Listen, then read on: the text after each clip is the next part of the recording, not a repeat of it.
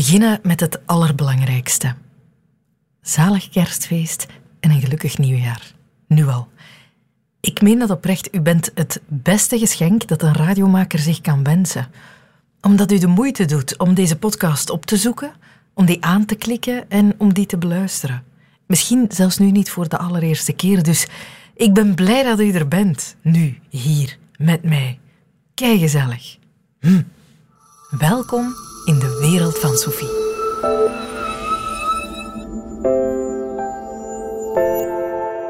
Een podcast in drie hoofdstukken wordt deze, of met drie thema's. We zijn in een gul buitje, het is kerst.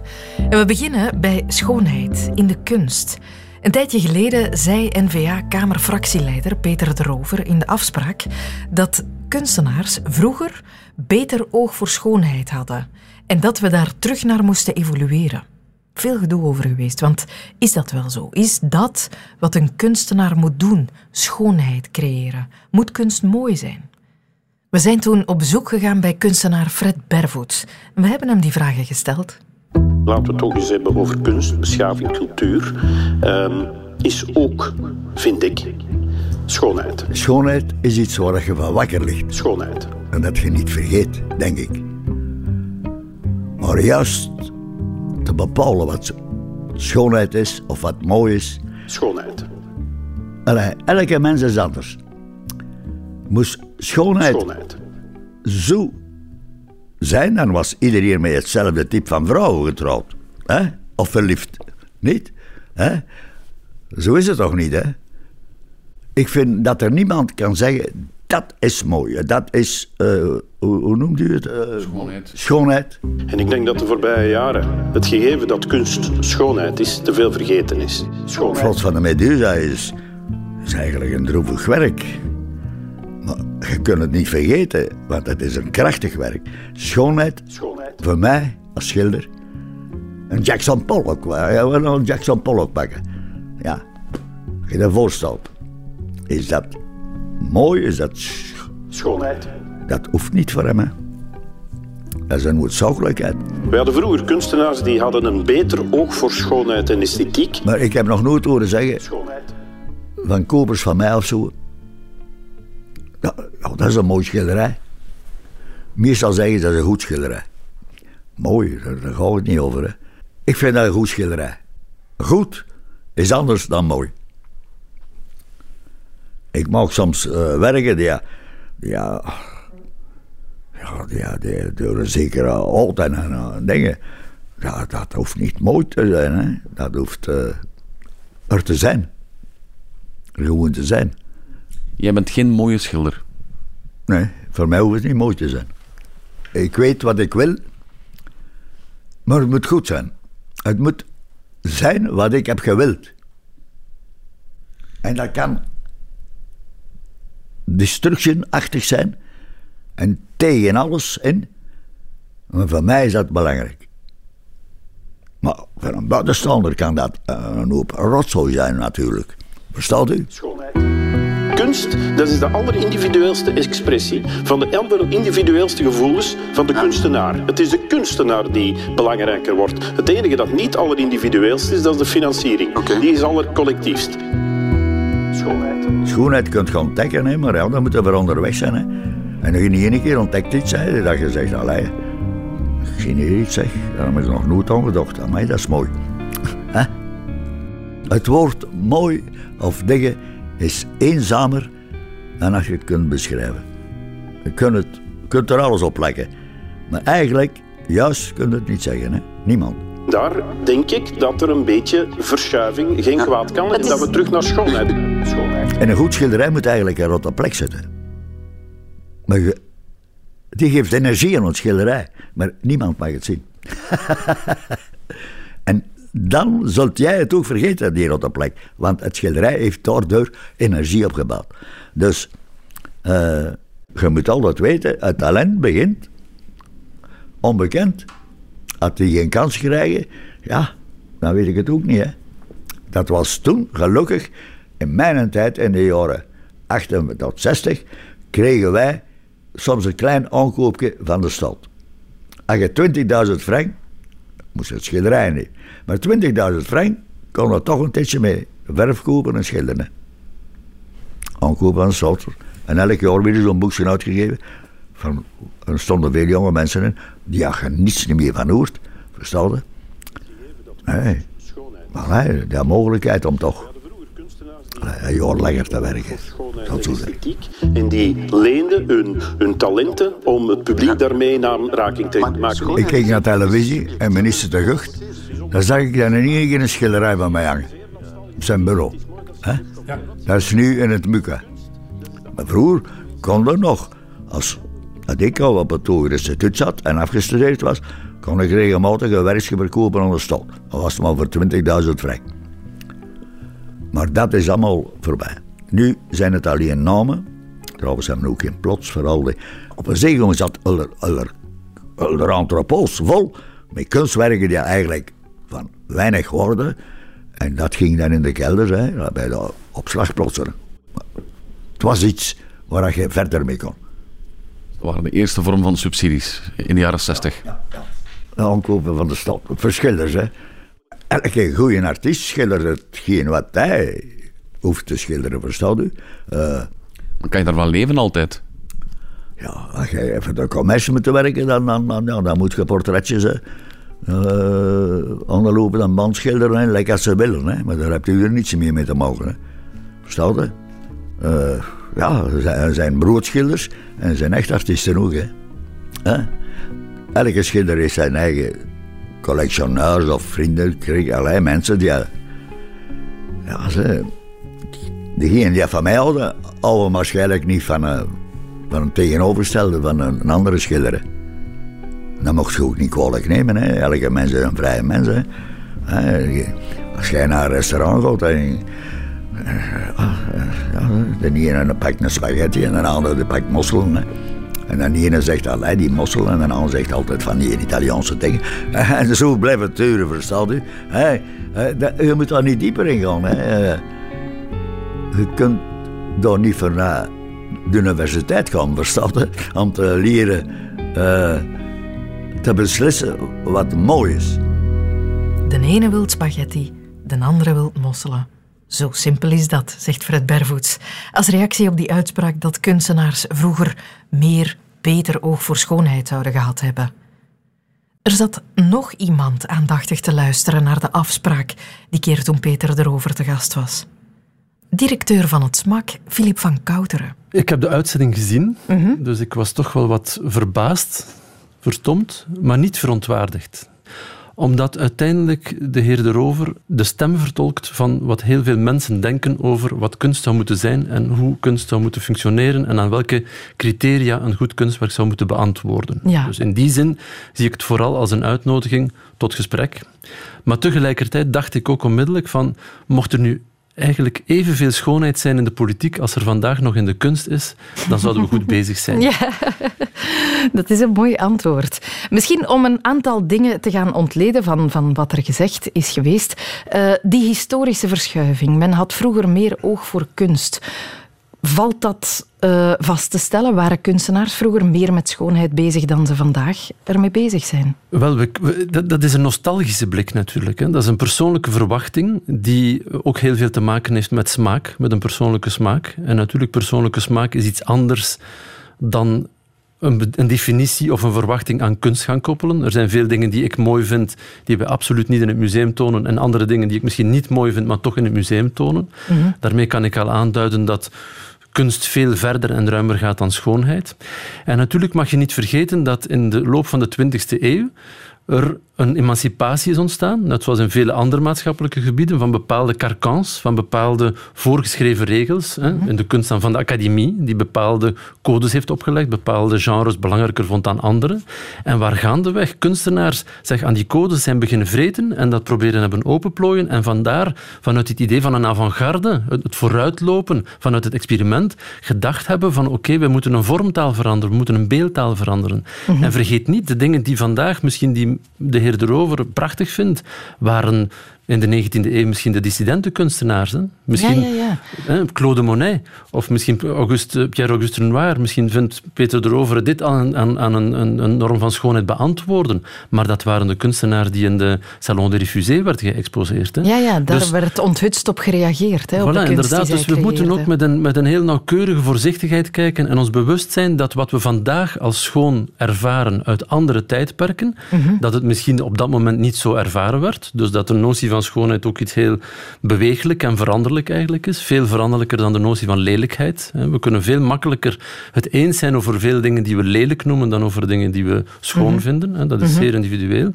En anderzijds natuurlijk ook, het tijdperk waarin we leven is anders. Het is makkelijk om een werk van Jan van Eyck mooi te vinden vandaag, maar de schoonheid die we erop projecteren, omwille van de kleuren, omwille van de vormen, omwille van het detailrealisme, omwille van het, weet je, de, de, de, de connotaties die we eraan opleggen of projecteren, die hebben eigenlijk niets te maken met de oorsprong dat dit een religieus werk was, met als doel het vervullen van een bepaalde eh, eucharistische of eh, eh, christelijk-katholieke eh, re- eh, religieus moment. Ja, ja. Als je dan tegenover een kunstwerk gaat staan en de reactie is: ik vind het niet mooi.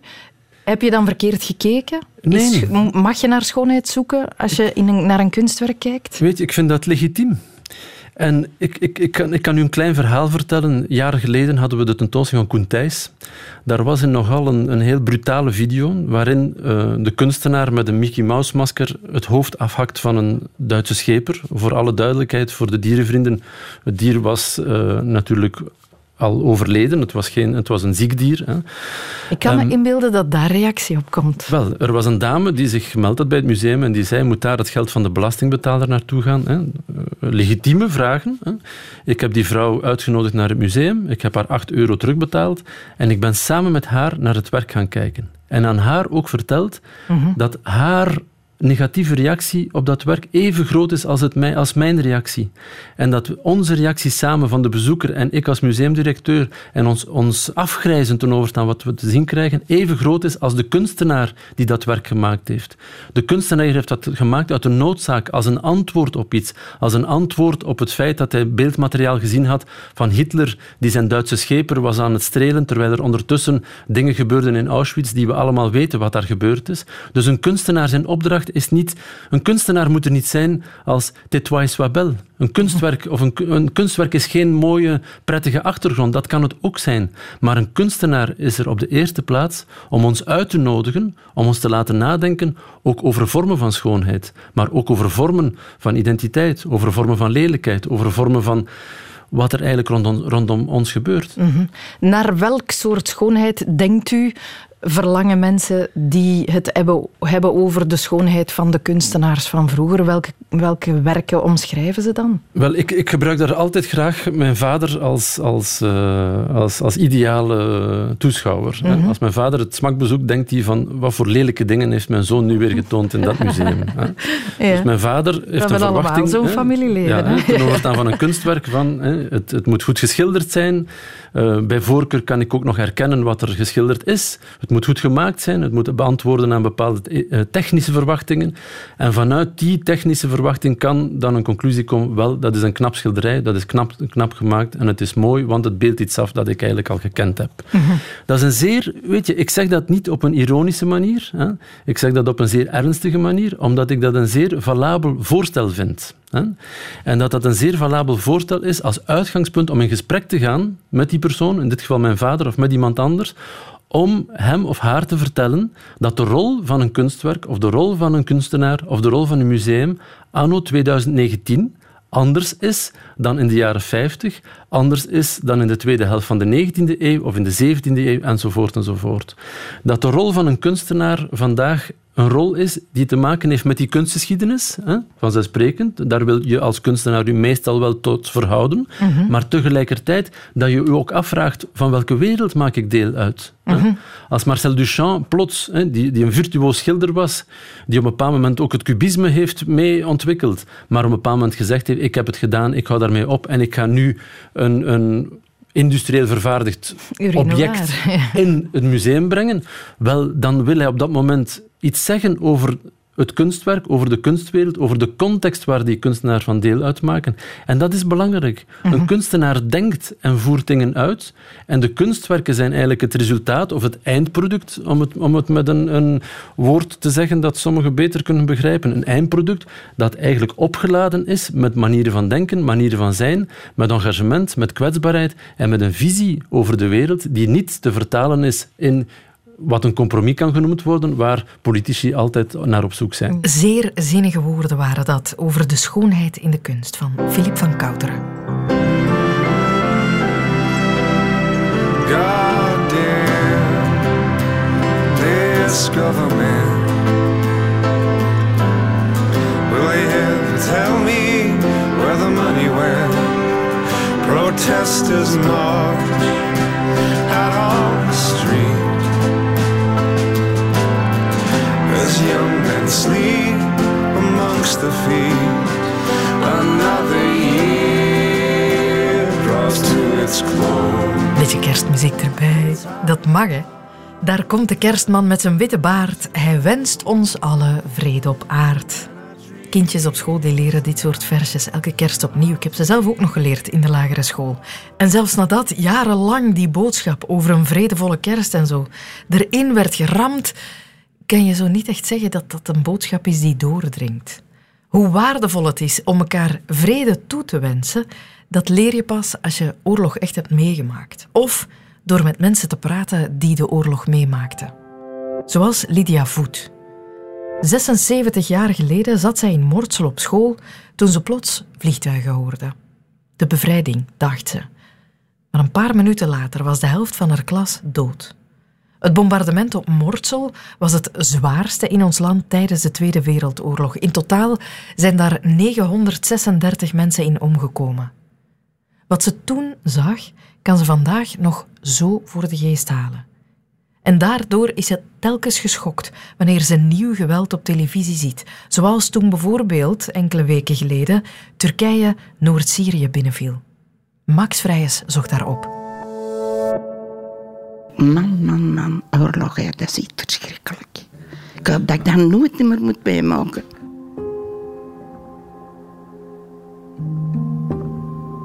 Ik was negen jaar dat de oorlog uitbrak.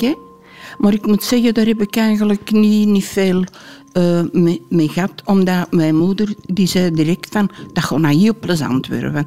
nu gaan we van alles bakken en koken. In hetgeen wat we nog gaan nemen. Die zei, weet we gaan wij in één kamer. Alle vier. Ik had een zuster die vijf jaar ouder was. We gaan met vieren in één kamer slapen. Ik zal dat wel regelen. Het bed en nog een bed erneffen. En want als er dan een boom valt, zijn we met vieren dood. Dat was eigenlijk goed gezien, hè.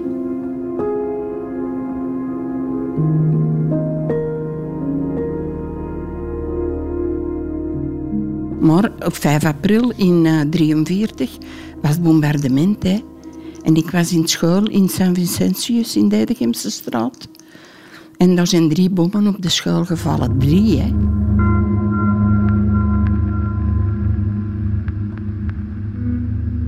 En eerst komt dat woe, vliegtuigen. En we dachten dat bevrijding was. Hè.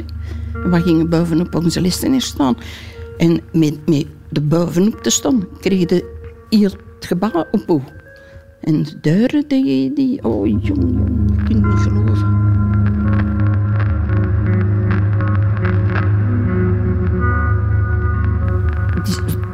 De, de, de, de, klas, al, al, dat, dat was helemaal plat, dat komt allemaal op u. Hè. Er ligt onder het puin. Hè. En ik ben er zelf uitgerokt. Hoe dat weet ik niet meer, maar ik ben eruit gerokt. Ik ben dan in zo'n put van zo'n boom heb ik zomaar armen en benen weggelegd door er weg te kunnen. Daarom, dat kun je niet vergeten. Hè.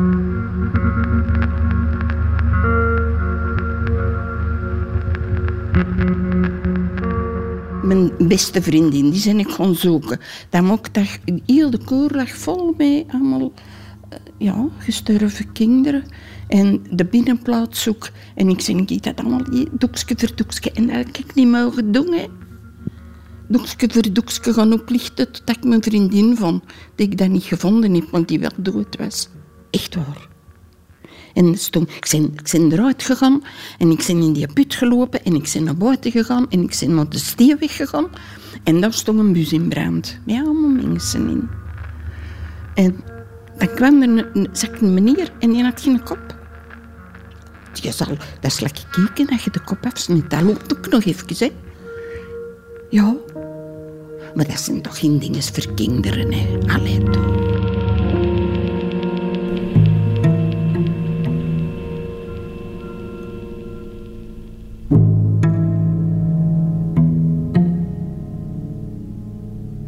En uh, en we zijn gewoon naar huis gegaan. En dan hebben we, oh, dat weet ik niet meer, bericht gekregen. Uh, we hebben denk ik een maand of twee thuis moeten blijven. Maar dan wel uh, om de twee of drie dagen naar school met een brief bij huiswerking. En dan gaf je dat af en dan kreeg je een andere brief en dan kon je dat thuis maken. En we gingen terug naar school, maar dat, dat, was er allemaal kapot. En ze hadden zo het oud gebouw, daar, daar konden we dus, hebben ze dan les in gegeven. Maar dat, dat gaat eigenlijk niet, hè.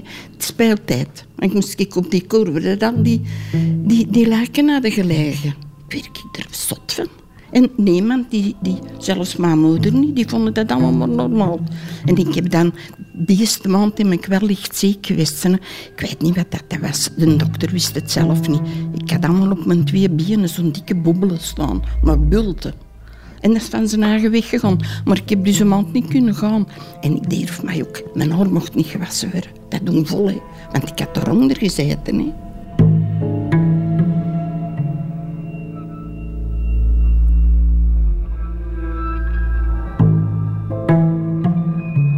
En dan daarna natuurlijk, hè, dat, alle vriendinnen die dood zijn, dat is, dat is eigenlijk verschrikkelijk. Want als er nu zo je kind mensen een fiets verongelukt of er is iets, die kinderen worden opgevangen tot in met. Dan zit ik aan een televisie, dan denk ik, allee, eh, doe maar. Hè.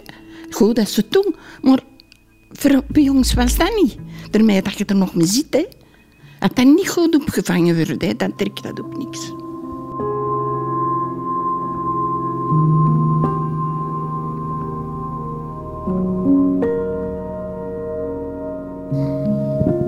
Uw leven is op, op een dag, op een, op een wip, helemaal anders. Helemaal anders, ja. ja. Dat is zo. Ik naar voorbij een kom, dat ze gewoon allee, dat ze afbreken. Dat ik bombardement. Die ruik, hè, dat moet je gewoon snuffelen als je er voorbij komt. Want dat deed het dikwijls, hè. Dat is echt bombardement. Hè. Dat is al dat ja, stof in, in die plaster en wat weet ik, dat, dat is niet gezellig.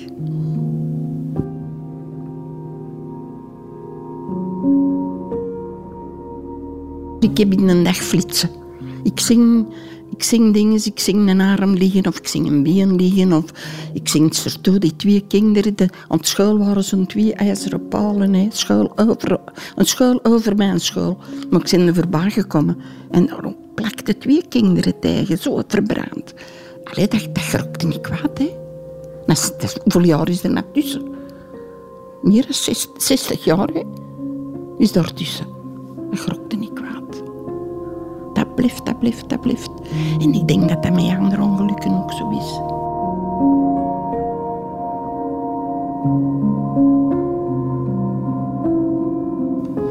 Ja, kunnen we er lessen uit trekken?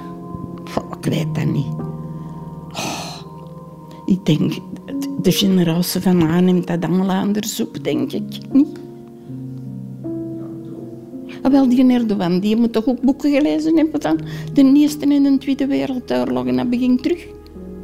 Oh, dat zijn je lessen trekken, hè. Ik, kan dat niet, uh, niet uitlezen. Hè.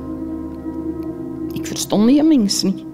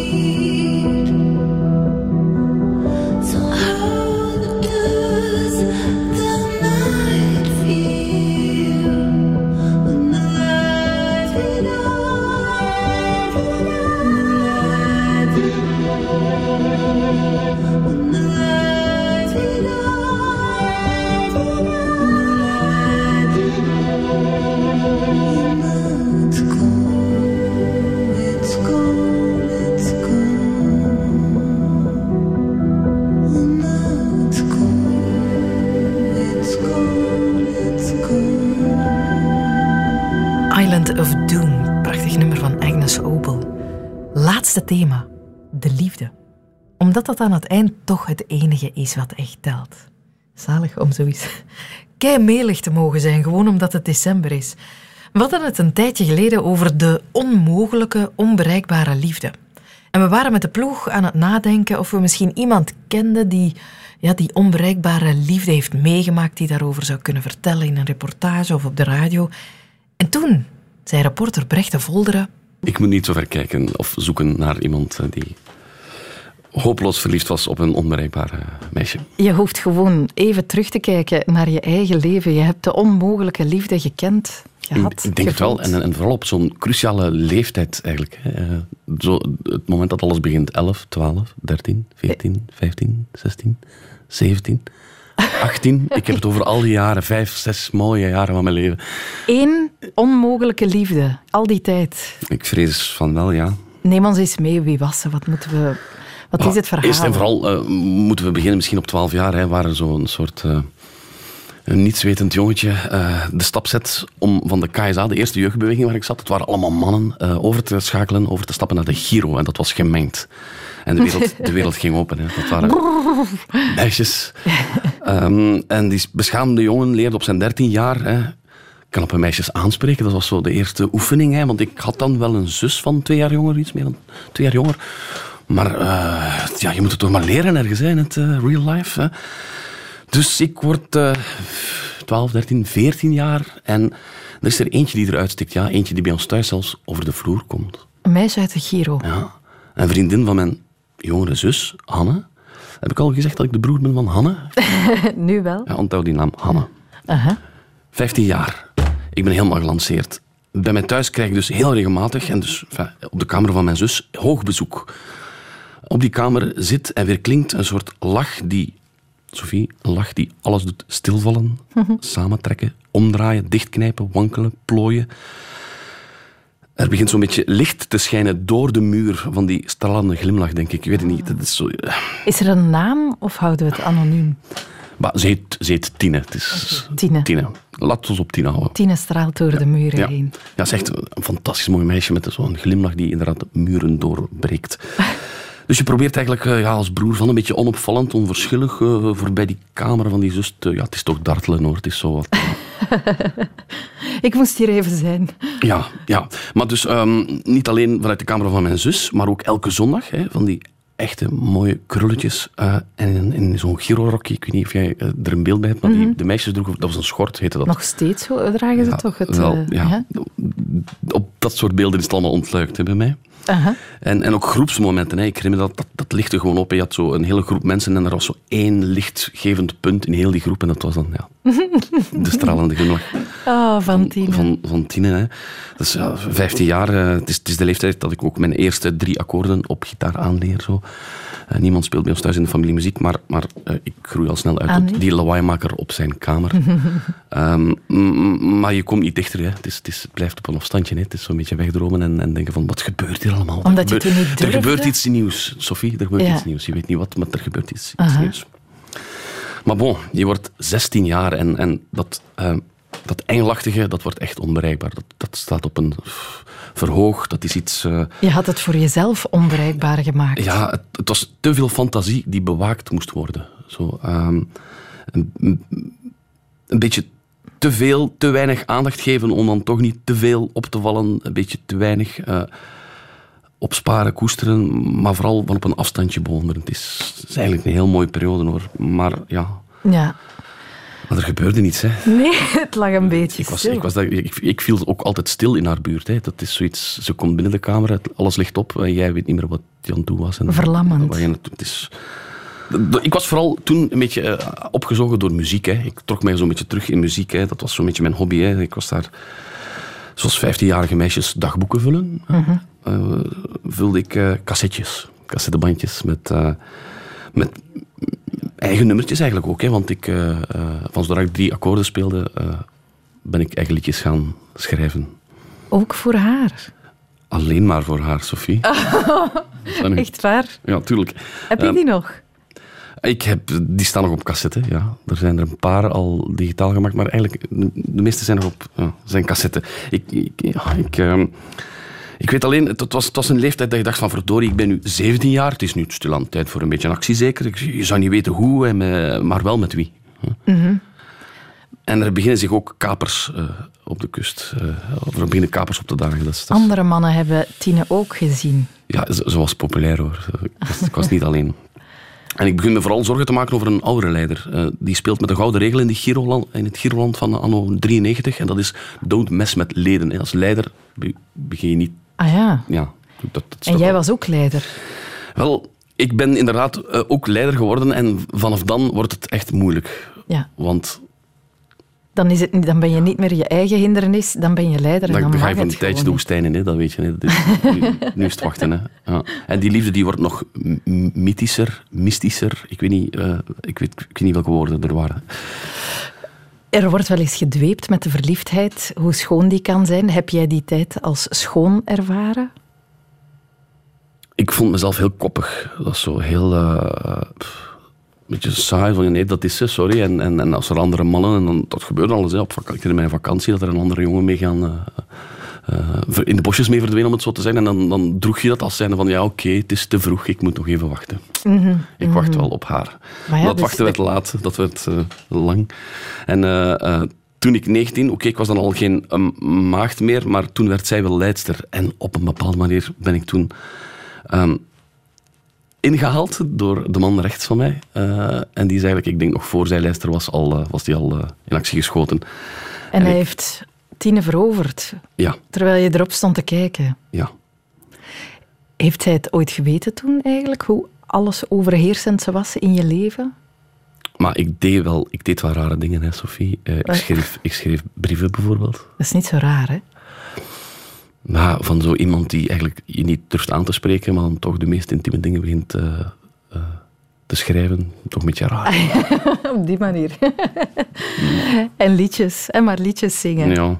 Ja. En die man ehm, met, wie, eh, eh, met wie zij gaan lopen is, of hij is met haar gaan lopen, ik weet niet goed, eh, die is wel, ze zijn wel getrouwd. Er zijn kindjes van gekomen. Dat was wel de serious shit. Het is nooit iets geworden tussen Het is nooit iets geworden. Ik was 19 jaar en ik moest eigenlijk helemaal opnieuw beginnen. Oh. Klinkt dat dramatisch genoeg? Ja, dat is, klinkt dramatisch genoeg. Kijk, het mooie is, ik kan aan die toffe periode, enfin, die, die mooie periode, ik weet niet of het tof was, ehm, eh, ik kan daarop terugkijken met muziek, want ik maakte echt muziek op mijn kamertje. En misschien moeten we eens naar een stukje muziek uit die tijd luisteren. Ik, ehm, ik had toen, maar we spreken over 95 of zo, 96, een multisporen opname toestel. Dat waren cassettes. eh. Dat was nog voor de, het internet. eh, dat was nog voor het digitale opnemen wat we nu doen met de computers. Dus dat is een beetje, eh, hoe moet je zeggen, simpel. Dat zal niet klinken zoals we nu met beats en allemaal je Maar horen, is, de- horen is spelen. wat we nu gaan horen iets van jou? Dit is allemaal zelf ingezongen op mijn kamer. een soort, het is een cover van de Velvet Underground. Ik heb eigen nummers ook, maar laten we die nu even mm, voor wat het is.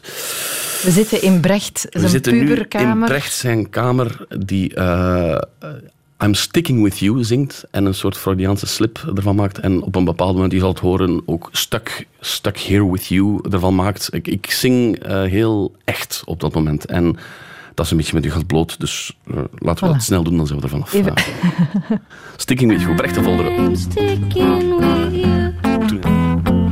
Cause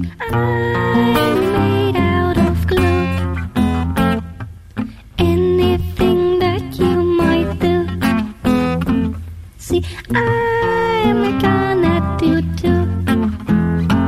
You held up stagecoats in the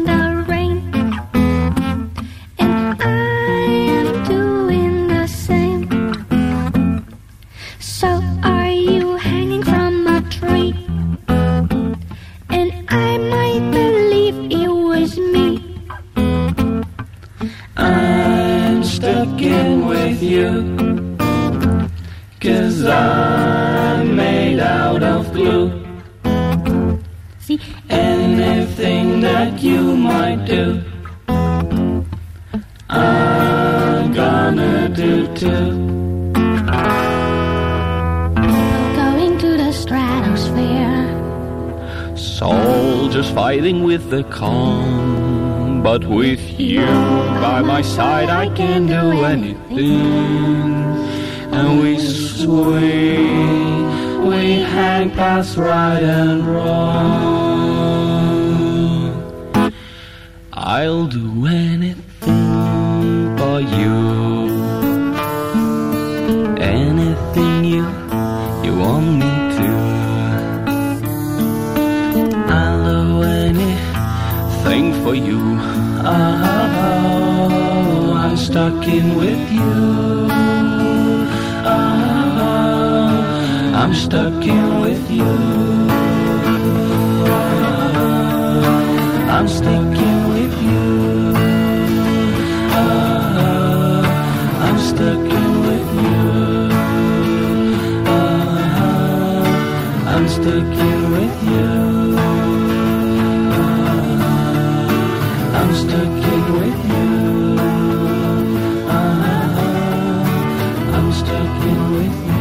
Maar dat is een kei mooi nummer dat je gemaakt hebt. Het is van de Velvet Underground. Het is niet Ja, van mij, maar, maar het is ja, wel toch? volledig door mezelf. eh, Ja. Ja.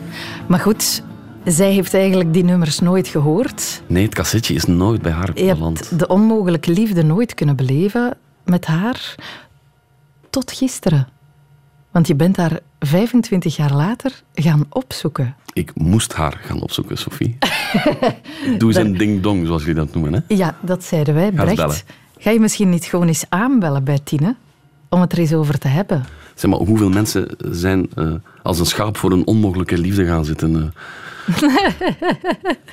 Het heeft wat van je gevraagd, maar het is gebeurd. Waar zijn we nu ergens? We staan voor de deur. Ik, ik wist zelf ook niet goed waar ze woonde. Hallo.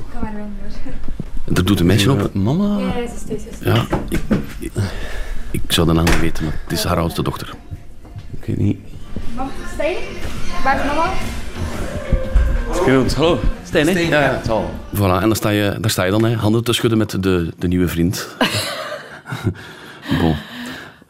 En dan, dan moest de vraag komen, hè, hallo, ik eh, zou even nu, eh, daar lopen kinderen rond, er is televisie, die man staat in een fietsbroekje, je denkt, oei, eh, is er een mogelijkheid om uw vriendin even alleen te krijgen en zo, en liefst weg van alles, en dan komt zij binnen en doet ze het voorstel, misschien kunnen we in de caravan voor de deur gaan zitten, er staat een caravan voor de deur. En Wat dat was, dat, was, dat voorstel. was een perfecte, perfecte setting, Er- recht tegenover elkaar, beetje donker, beetje koud, maar ik had ze voor mij alleen. En toen ging het als volgt. Ik ga weer in mijn excuus, want uh, ik overval u wel een beetje. Hè. Maar ja, ik ben niet voorbereid. Sinds een heel lange tijd gecontacteerd via, via Messenger, hè, Ja. via Facebook. Uh, ik moest naar uw telefoonnummer vragen, want dat had ik niet. Ja. Oké, geen probleem. Ik wou het eigenlijk met u hebben over de tijd van voor de mobiele telefoons. Oei, ja, lang geleden. Ik weet wel, als ik kwam logeren, hè, eh, ja. Hij, was dus hem die in huis liep, die, zich terugtrok op de kamer met, met de muziek. Ja, ik kan ik zelf eh, denk nooit door dat je zelf wist dat Hanne of ik daar waren. Nee, nee, hij fladderde door het huis, ging een keer iets gaan aan in de keuken om te eten of te drinken en ging weer naar boven. En wij zaten ertussen. Ik hoorde vooral uw lach. ja, oké. Ja, dat is typisch, hè. Je zet al iemand die graag lacht. Hè. Ja, dat klopt. Eh, ja. Ik moet zelf lopen die volgen, omdat ik eh, verkeerd spreek en lachen, dus... Ja. Te veel misschien, hè. Tienen, hè. Dat was iets dat gaf, dat gaf licht in de massa. Dat was zoiets, als je groepsfoto's had van de jeugdbeweging in de tijd, dan was dat zo bam, één vlek. dat is geen, ja. Allee, bedoel, 13, 14, 15, 16, 17, 18. Ja, ik, ja, ik weet... Ik weet Heb- Hebben we raar gedaan? Hebben we raar gedaan? Ik denk het wel, want ik heb u heel veel brieven geschreven. Ja, maar het was eigenlijk maar het moment dat je een brief, brieven schreef, dat mij frank viel dat je wist dat ik er was. Allee, dat, dat, mij- allee, ja. Ik zeg, dat was dus hem en ik was ook... Ja, dat was bijna een andere wereld. Hè. Dat was, allee, ik was daar met Hanne en, en hij liep daar rond. En plot, totdat ik een brief kreeg, heb ik, van waar komt dat nu? Ja, dat had totaal uit het niets. Eh, voor mij. Eh, tot, nou, tot natuurlijk niet vanuit het niets, maar voor mijn gevoel wel, naar mijn gevoel wel. En voor mij is dat dan oké, ja. Hij zegt, wie is Brecht dan? Ja, die jongen die dan mooie en veel en lange brieven schreef. En die mij ook aanzette om te schrijven, eigenlijk. Ehm, ja, maar altijd de broer van. Onmogelijk, hè, onmogelijk. hè. ja, dat weet ik nog niet. Ehm, ja, maar dat was, voor mij was dat wel raar, want dat was inderdaad dat was raar van. Ik begreep het eigenlijk niet. Waarom dat je schreef naar mij. Allee, dat begreep. Wat stond daarin, mag ik dat vragen? Ja, jong. Teksten van liedjes, dat weet ik. Eh, ja, dat is nu wel al lang geleden. Ehm, ik weet zelf ook niet hoeveel, dat Hanne daarvan, hoeveel dat ik daarvan tegen Hanne gezegd heb. Want ik was ook wel... Ik was sociaal, maar niet zo open over zulke dingen. Dus ze weet wel hoor. Ze, ze, allee, ze weet wel. Maar ik weet niet wat eigenlijk. Dat weet ik niet meer hoe. Ik had ze dan op dat moment wel even buitenspel gezet, Hanne. Ja? Ja, ben je- Had ik dat geweten, had ik dat geweten. Want alles, alles moest wijken voor dat ene en dan ehm, zelfs al kwam er andere kapers op de kust. ja, inderdaad. Ja. ja, voor mij was dat meer... Ja, eh, ik vond dat die brieven schrijven leuk. Zeg. Dat was zoals ik naar mijn dagboek schreef. Maar, maar dat er niets ernaast was, leek het mij wel niet zo reëel. Allee, voelde het niet zo reëel aan. Ik wist ook wel dat dat geen, dat geen zever was, maar het was zo'n wereld apart, nog in een bubbel. Hè. ja, iets anders naast het gewone leven. Ik denk dat ik op een afstandje wou staan. Zo. Cassettes ook. maar dat met de muziek die jij graag hoorde. Ik heb veel, dat is juist via jou. Ik heb vrij veel muziek leren kennen. Maar geen eigen gezongen muziek. Nee, nee, dat niet. Ah, nee, andere... Denk maar aan Luca Bloem of, of de, de Doors en zo. eh Dire Straits, al die maar al muziek waar ik uit mezelf nog niet echt mee in contact gekomen was. En ik wel... Er zijn vrij veel dat ik liedjes... Ah, dat is een liedje dat ik van jou Brecht ken. de, de Truckner Kicks ook. Ja, ja inderdaad. Ik, eh, ik hoor dat jij gaat trouwen. Ah ja, ja. Het schijnt, hè. ja, voor de tweede keer, hè. ja, maar het staat allemaal niet helemaal vast hoe, of, maar het gaat doorgaan. Dus die eerste was dan toch niet... nee, dat is toch niet dat. Ja. Maar, eh, ja. En je bent nog jong, hè. Zijn uiteindelijk. Dan, ja, 18 jaar. Niet oud, hè. Weet nog niet veel, hè. Ja. Maar je had wel keuze, hè. Ja, ja. Zo. Nee, eigenlijk niet. Hè. Ja, dat was niet echt. Dat was, in, mijn, in mijn hoofd was dat niet echt. hè. Dat was in de brieven. Dat was like, like dat, je, like dat mensen schrijven naar een gevangene in Amerika. Of naar, hè, bijvoorbeeld. eh, Ja, ik ken mensen die dat doen. hè. Allee, ik bedoel, iemand dat je niet kent, iemand ver weg. Zo, allee. Nee, ja, want hij ging meer om, denk ik, met mijn zus dan met mij. Dus eh, ja. Ik denk dat je echter was voor hen dan voor mij. Ik wil eigenlijk een cadeautje geven na 25 jaar. Ja. In 96 heb ik een opname gemaakt. Die was eigenlijk voor u bedoeld, maar ik heb dat nooit afgegeven. eh. Ah nee, ik, nee zelf Ik zou, ik zou nu willen doen. Heb je nog een cassetterecorder? Want kijk, ik heb hier een cassetje. eh. Denk, denk ik niet. Een cd-speler zo, een draagbaar, maar geen... Nee, want ik, ik zei, ik heb nog al uw cassettes, maar ik kan ze eigenlijk niet meer afspelen. Ah ja, oké. dus eh, mijn cassetje hier. ehm, Kom in! en dit is wel toevallig natuurlijk. eh. het gaat over onmogelijke liefdes. En ik heb hier een soort date met mijn eh, eh, oude onmogelijke liefde. En, eh, en wie stapt er binnen? Mijn zus. Dag Hanne. Hallo, dag Brecht. Ehm, jullie zijn duidelijk vriendinnen gebleven. Ik denk van rond ons negen, acht, negen jaar. Ja. Ja. Normaal zouden wij nu aan het sporten zijn. Nee, want dat is ons eh, vast moment op maandag en woensdagavond.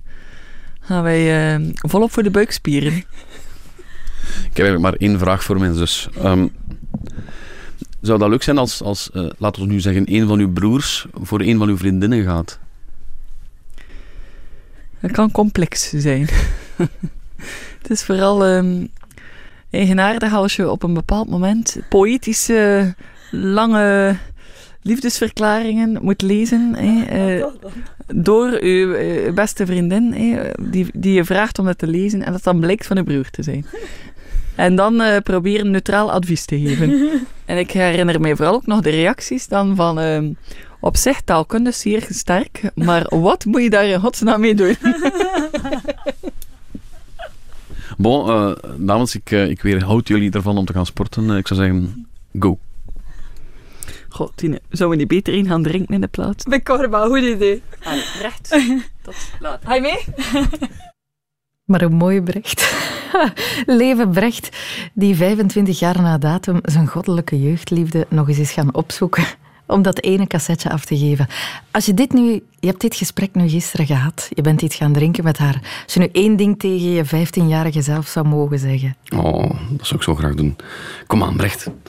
Sneller, durven, doen. En als het op je bek gaan is, niet bang zijn. Als het echt verkeerd gaat, dan heb je nog altijd een pennenvriendin in de gevangenis. Heel erg mooi. Your day breaks, your mind aches. You find that all kindness linger on when she no longer needs you. She wakes up, she makes up, she takes her time and doesn't feel she has to hurry. She no longer needs you. And in her eyes you see nothing. No sign of love behind the tears cried for no one. Love that should have lasted. Dit was hem, de laatste podcast van de Wereld van Sophie van 2019. We nemen even pauze nu, maar we zijn er eh, begin januari terug met nieuw materiaal. Abonneer gerust als je die nieuwe afleveringen meteen gedownload wil krijgen van zodra die er zijn. Ik bedank je heel erg om te luisteren. Ik wens je een zalige kerst en een gelukkig nieuwjaar. Nog eens, ik kan er geen genoeg van krijgen. Tot gauw.